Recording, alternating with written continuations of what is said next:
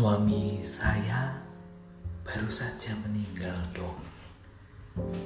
Sesuai adat saya harus menjalani kusasa umbi. Orang tua saya membayar seorang dubuk tutul untuk berhubungan intim dengan saya. Saya sudah pernah menjalani satu kali dan masih trauma. Ini pemerkosaan dong tidak mau lagi. Ucap kulunga pelan. Mimi wajahnya ketakutan. Ia menoleh ke kanan dan ke kiri. Sebentar. Siapa itu? Duduk tutung kenapa keluarga anda membayar orang untuk memperkosa anda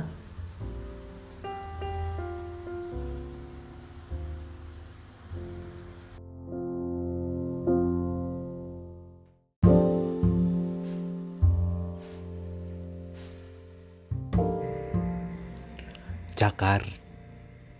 Dubu Tutul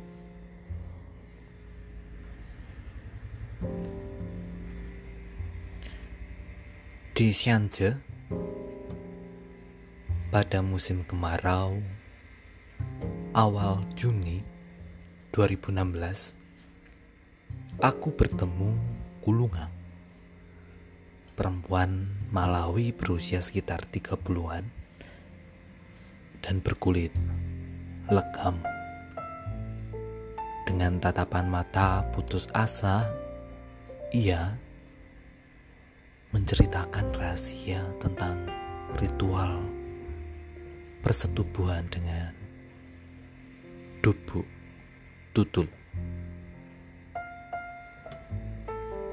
Suami saya baru saja meninggal, Dok.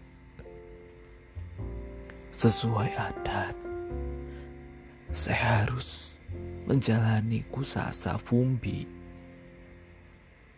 orang tua saya membayar seorang dubuk tutup untuk berhubungan intim dengan saya. Saya sudah pernah menjalani satu kali dan masih trauma. Ini pemerkosaan, dok. Saya tidak mau lagi. Ucap kulunga pelan. Mimik wajahnya ketakutan.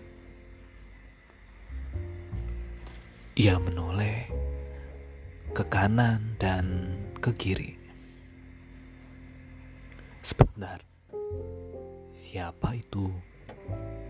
Dubuk, tutul. Kenapa keluarga Anda membayar orang untuk memperkosa Anda? Pertanyaanku tak terjawab.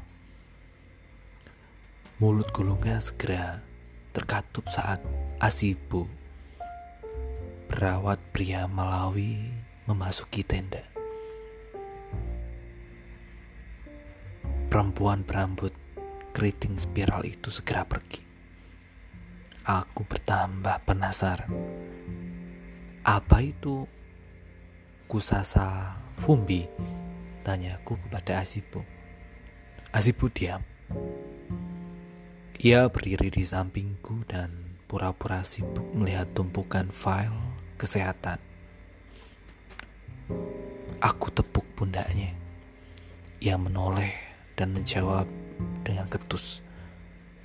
Jangan ikut campur adat Malawi, Dokter Thomas.